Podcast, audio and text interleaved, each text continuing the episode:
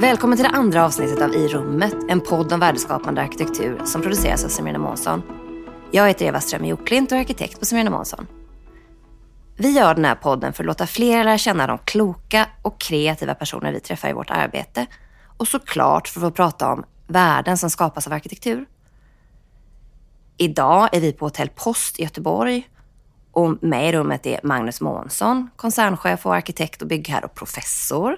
Vi har också Daniel Stenbeck som är etableringschef för Choice-koncernen. Välkomna och tack för att ni är här.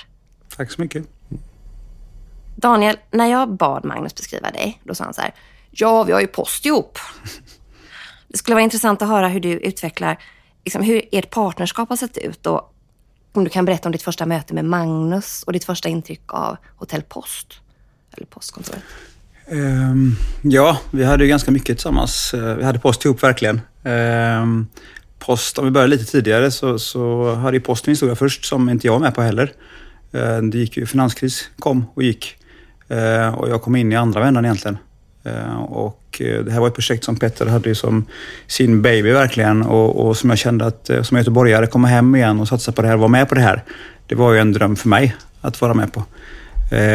Och sen träffade jag ju Magnus och eh, projektet hade kommit en bit på vägen då. Ehm, men jag kände att det var ju ett otroligt engagemang från Magnus. Ehm, det är inte alltid lätt tror jag eh, att vara Magnus ihop med oss. Ehm, för vi är inte bäst på att ha struktur och ha, en, och ha ett manus först och sen göra filmen. Utan, eh, och även den här gången fick vi lite grann skapa manuset parallellt med filmen i stort sett. Magnus hade sin bild klar, uppfattar jag det som. Men vi på vår sida var inte helt eniga överallt eh, om hur vi skulle få till det här. Men på något fantastiskt sätt, eh, ihop med Magnus eh, och teamet runt, så fick vi ju tillsammans en produkt som blev ett med manuset till slut. Men vägen dit var spännande och utmanande. Jag tror att Magnus, jag vet att Magnus var väldigt viktig där för att stå på sig. Han fick inte alltid igenom allting, men, men väldigt mycket och det ser vi nu. Eller vad säger du Magnus? Ja, alltså det var en, eh, en, en väldigt händelserikt projekt. Eh, och som du säger, vi hade det i, egentligen i två, i två halvår. Ett, ett, ett skede så när vi startade detta så gjorde vi det som var lite konstigt för, för en arkitekt kanske. Vi, vi, hit, vi hittade platsen, hittade huset åt, eh, åt Choice-gruppen. Och det, det där är ju spännande att, att få vara med så redan från början innan, innan det ens är ett projekt. Um, sen är det som du också sa här eh, att det fanns en finanskris mitt i som gjorde att vi fick i princip rita om hela huset. Det fanns en annan detaljplan som var på väg fram. Och det är klart att sånt där är ju, det förrycker ju processer och det får, man får ju vara eh, om man ska säga, flexibel i, i, i tanken och ändå ganska bestämd så att man inte går, går förlorad i, i, i eh, konceptet. För konceptet här med, med det, de gamla fina värdena från 20-talet är ju, är ju det man måste alltid förhålla sig till. Um, sen vet jag inte om det är till tröst, men alltså um, det företag du representerar är, är ju ett fantastiskt företag och, och, och, det är klart att ni inte är världens bäst organiserade på det sättet kanske, men det är rätt många som är ungefär som ni. Man söker sig fram och man, man är lite ovan vid att göra stora saker, stora projekt. Nu är ni lite mer rutinerade nu kanske ni var då. Mm. Um, och det är inte, så, det är inte så, så sällan som vi möter eh, även stora företag som kanske bygger då och då, men inte alltid. Och då är, då är det klart att er, er huvudorganisation, er huvudaffär ligger ju inte i att bygga, eller gjorde inte då i alla fall. Va? Nej, den är betydligt större nu. På den tiden så var, var det här bättre. Både äger fastigheten och driver verksamheten och varumärken och alltihopa så var det en extremt viktig eh, och även då finansiellt riskabel resa. Den började på en summa och slutade på en annan. Den var inte lägre. Eh, men den kunde blivit mittemellan och fullständigt olönsam. Vi hade diskussioner ganska länge om att börja spara pengar och sådär. Men då var det ju Petter till slut som skar igenom och sa att nej, nu har vi gått in i det här och vi ska gå in hela vägen. Och tack gode gud för att du gjorde det, för att eh, där tror jag mycket succén ligger, att inte spara sig på fel saker. Ja, men precis. Det tänker jag. Det, hotellprojekt innebär ju någonstans att man, den ekonomiska värderingen ställs på sin spets. Eh, så det känns som att den erfarenheten kanske fungerar, hur man värderar eh, ett, liksom ett hotellprojekt till exempel, hur man värderar atmosfär eller sådana här saker. Har det... Ja, jag tror att eh, jag satt själv med den känslan och är fortfarande ännu mer förstärkt efter det här. Att eh, Det där kan du inte räkna på. Du måste känna och förstå. Vad, vad är det du ska uppnå för någonting? Mm. Vad är det någonstans? Vad är risken, möjligheten däremellan? Och det var ett väldigt sånt tydligt... Det, var, det är klart att det är ett ägarbeslut där. Det är Petters beslut att ta det. Men jag kände precis som Petter att om du sparar 20 miljoner i sista, så det är fel 20 miljoner. Då blir det dyra 1,2 istället för 1,4 eller någonting. Alltså det blir, det blir eh, fullständigt fel och framförallt handlar det om att det ligger i tråd med både konceptet för byggnaden och, och, och alltihopa, men också med driften. Det måste hänga ihop alltihopa. Och, och sparar du då på fel saker i slutet där så kan det riskera att gå helt åt fel håll, tyvärr. Ja, det, det är det många som inte har varit med förut. Det är lätt att tro att man, ja, men nu, nu sparar på sista, det ska inte gå några pengar här, men, men, men eh, de kan å andra sidan tjäna bättre än planerat tidigare. Mm. Ja, ja, men precis. Du förlorar alltid sista dagarna de miljoner du sparar tidigare. Så brukar det bli. Det låter ju väldigt klokt. Magnus, eh, den här hotellet är ju mer än ett hotell, får man ju säga ändå. Eh, etableringen av ett hotell där det tidigare bara låg ett stängt postkontor ändrade staden ganska mycket. Eh, kan du berätta lite mer om den stadsutvecklingen som posthotellet innebar? Ja, det, jag ska gärna göra det, men jag tyckte jag ville först ja, krocka på lite grann vad, vad som sades innan här. För att det, det, är ju precis detta som är det som vi som arkitekter och en, en, en öppen sinnad byggherre kan göra. Att vi fokuserar på värdet och inte på investeringen. Och det, det, är ju ofta så att vi inte gör det i, i, i byggandet idag. Vi, vi, är så fokuserade på tillverkningskostnaden men inte på det värde det skapar. Och det som, som eh, är så intressant med hotellet är att det är så direktverkande. Vi, vi vet ju om ni kan hålla uppe eh, eh, hotellpriserna med några procent per, per natt och per dag och per vecka och per månad och år så klart att då är, det låter lite vårdslöst men då är några miljoner inte så farligt. Nej. Och det, det fokuset får man ju säga att både du och Petter Stordalen hade vid det här tillfället. Och jag kan faktiskt minnas en lördag när Petter ringde mig och, sa, och frågade mig på slutet i ett projekt, en fråga som man väldigt sällan får. Räcker pengarna eller behöver du mer? Och då höll vi på med de sista inredningsdetaljerna, den här allra sista lilla touchen. Och det är en, en enormt ansvarsfull fråga att besvara. Så då sa jag, nej men jag, jag tror vi behöver ha Eh, lite till och då fick vi det också. Och det tror jag var välgrundat och välförankrat också när frågan ställdes att, att vi kunde få det på det sättet. Alltså stadsbilden är ju en av de drivande frågorna till att det här överhuvudtaget har, har gått att genomföra. Det här projektet är ju ett statligt byggnadsminne och hade rätt så stränga restriktioner i, i den yttre i de yttre gestalten. Alltså det, vi fick inte förändra eh, byggnadens exteriör. Och även interiöra eh, rum och, eller miljöer var ju skyddade i, i, i, det, i, den, eh, i den skrivningen. Men just tanken att öppna upp det här till, ett offent, till, till en slags offentlighet igen. Att göteborgaren skulle kunna igen få se de fantastiska interiörerna och att att det här skulle kunna vara ett hus som, som lever i, i 24 timmar om dygnet mer eller mindre. Det var ganska drivande för, för både politik och tjänstemän, både på kommunal och landstingsnivå men även hela vägen upp till Riksantikvarieämbetet. Att just hotell var liksom lösningen på frågan. Ehm, att man igen skulle få de här vackra publika rummen att bli just publika. Och det, och det var ganska var ju väldigt tydligt och det har kommit fler exempel på det efteråt ju. Att just hotellen, man aktivt använder det som en del i stadsutvecklingen. Och post har varit ett så tydligt exempel från en central plats så död till så otroligt levande. Mm. Och vad som hände i följd av det efter, efter det. Alltså det är ju... Det finns ju många exempel på vad som hände efter. Mm. Ja, ja, verkligen. Och det är lite grann, det, på det följer lite grann en annan fråga, för vi är lite nyfikna på er. Det är en trend som jag nyss har fått ögonen, upp ögonen för själv. Det är de här medlemsklubbshotellen som ah, Internationellt är det kanske Soho House, sådana som erbjuder boende och arbetsplatser och rekreation ganska exklusivt ofta. I Sverige har de som man kanske uppmärksammat mest hittills handlat om arbetsmiljöer. Eh, men ni har nyss startat ett nytt affärsområde och gått in som majoritetsägare i företagsbostäder. Kan du berätta lite mer om det som har hänt sedan det jag läste på? Ja, jag vill göra som Magnus, bara ställa om, ställa om frågan ja, lite grann. Ja, vi börjar tillbaka till där du började med medlemskap, så var ju precis det som var ett av... Det var vi väldigt tidiga faktiskt på post här. Eh, tyvärr var vi för populära för att genomföra det fullt ut. Vi hade något som kallades Post Office. Ja, men jag läste om det. Det lät jättespännande. Eh, och det var just för att vi var ju rädda. När vi byggde här så pratade vi om mycket döda ytor. Mm. Publika ytor utan intäkter på den tiden. Var det så att på den tiden, det var verkligen så då att det var rum som gällde pengar och så kanske bankettsalar. De här jätteytorna som vi inte kunde göra något med. det var ju bara kostnader såg vi som. Eh, så vi skapade koncept för att just få in folk. Så det vi gjorde där var att skapa ett post office. Du fick en adress här, tjänster, jobba i lobbyn var ju tanken. Du betalar 10 000 i månaden och sen så fort du konsumerar så dras det på hyran. Så konsumerar du mycket så betalar du ingen hyra, konsumerar ingenting, bara adressen så betalar du. Så det var ju starten på det, men nu blir det så populärt. Vi öppnade ju hotellet fullt, det var ju fullt från start dag ett då. Så vi kunde tyvärr inte sälja så många sådana. Men det var ju lite grann, vi såg att det funkar och tanken kom. Och det har ju kommit, som du säger, på många håll sen. Både, alltså, vi ser att det glider lite grann över gränserna. Vad är ett kontor idag? Vad är en lobby?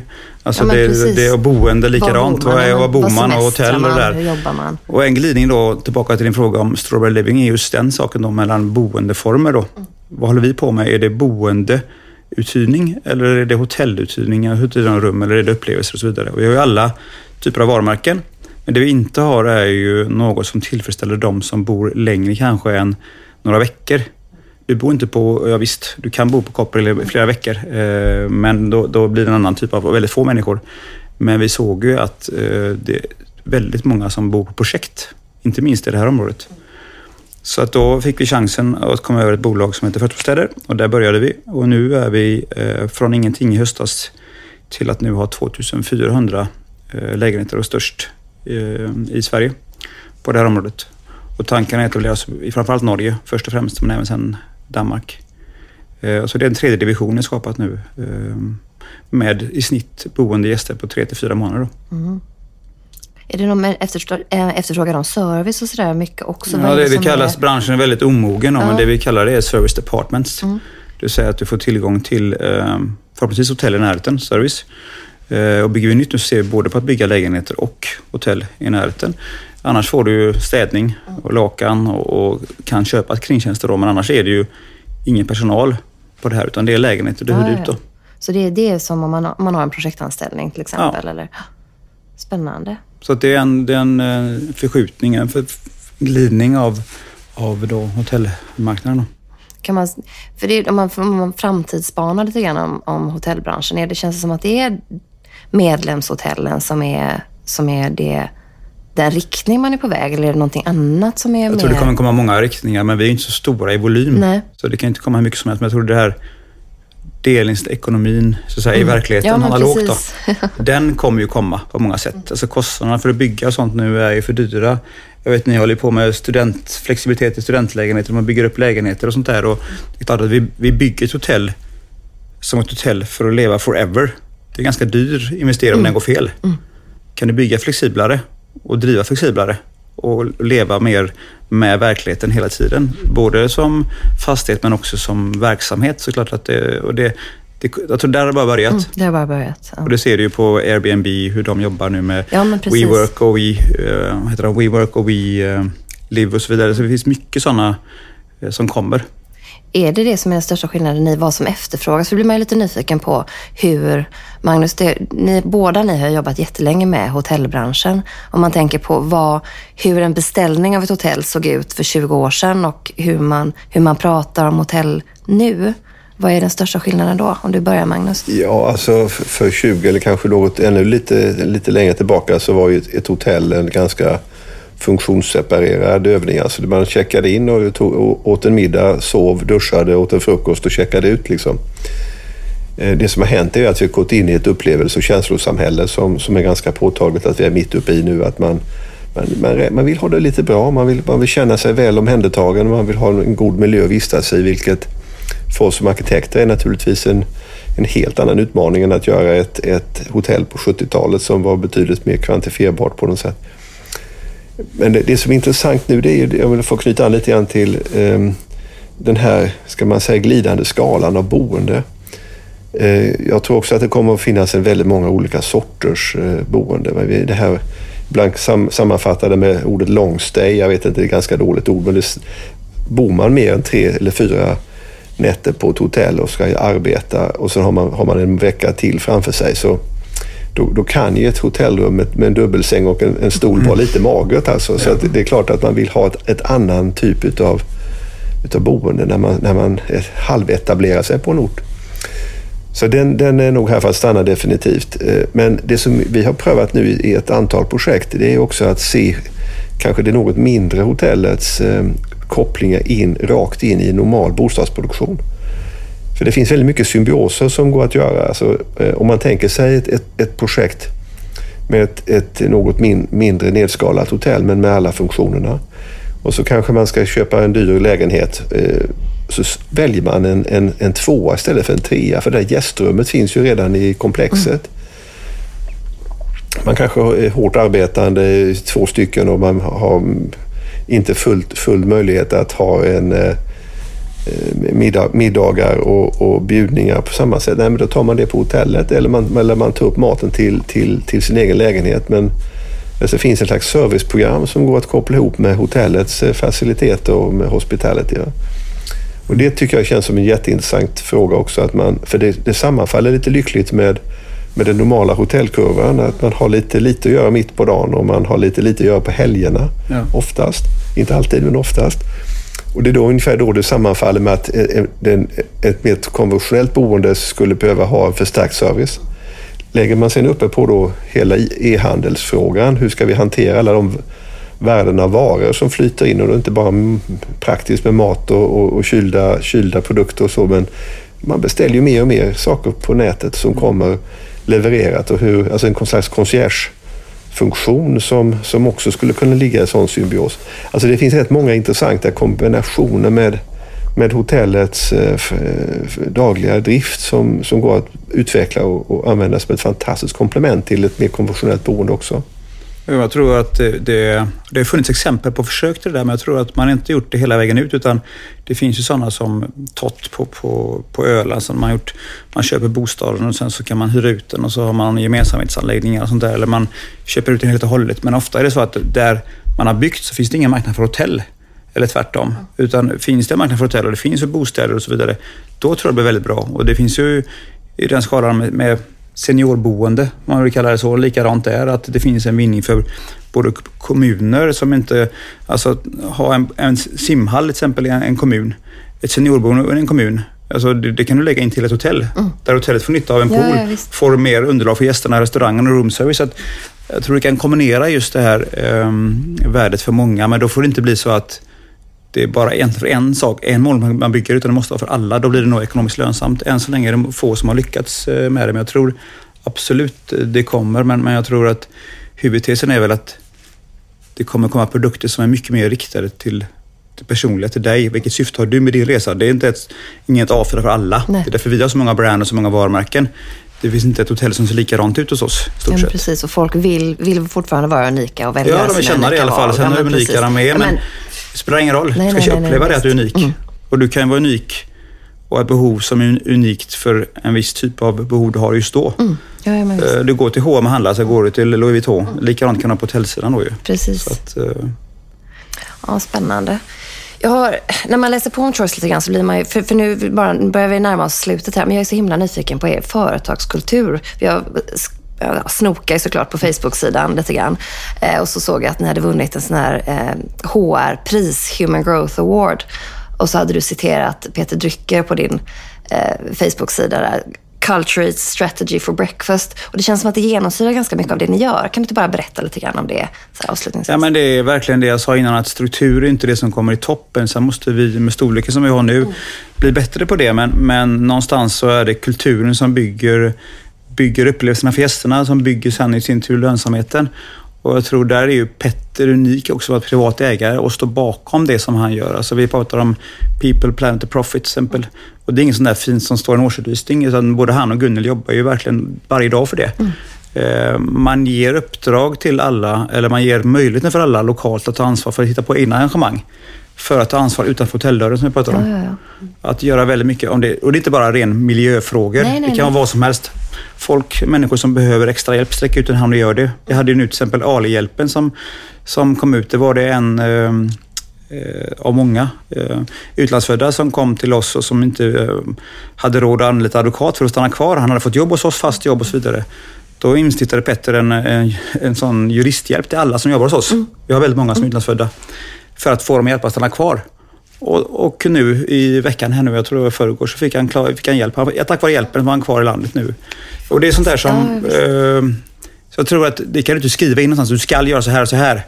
Utan eh, något vi mer säger är ju att ansvar är inget du får, det är något du tar. Så mycket handlar om att det, Petter sitter inte och bestämmer vad som ska göras. Han lägger ramarna, linjerna och värderingarna. Eh, inte minst en gång varje år när vi har 3000 anställda och partners på, på VK. Eh, sätter ramarna och sen så är det upp till alla att göra jobbet. Då.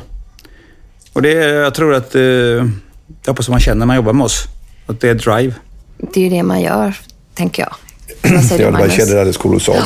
Eh, och det, det är fantastiskt. Jag vet inte om jag ska säga det, men ägarledda företag är alltid starka företag. Jo, det- I den meningen att det finns, en, eh, det finns en möjlighet att ta väldigt snabba och, eh, och goda beslut i stunden.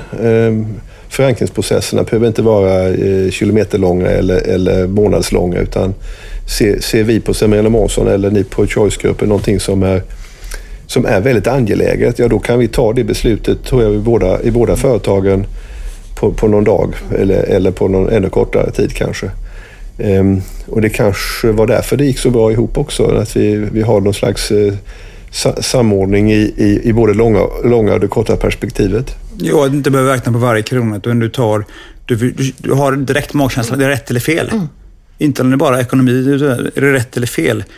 Och säger, säger analytikerna att det är fel, men, men kulturen säger att det är rätt, så blir det rätt. Då kör vi. Och då kör vi på värdena, så att Ja. säga. Ja. Men då får vi ta och tacka så jättemycket för att vi sitter, får sitta i det här rummet på Hotell Post idag. Och tack för att ni kom båda två. Eh, och därmed avslutar vi det andra avsnittet av I rummet.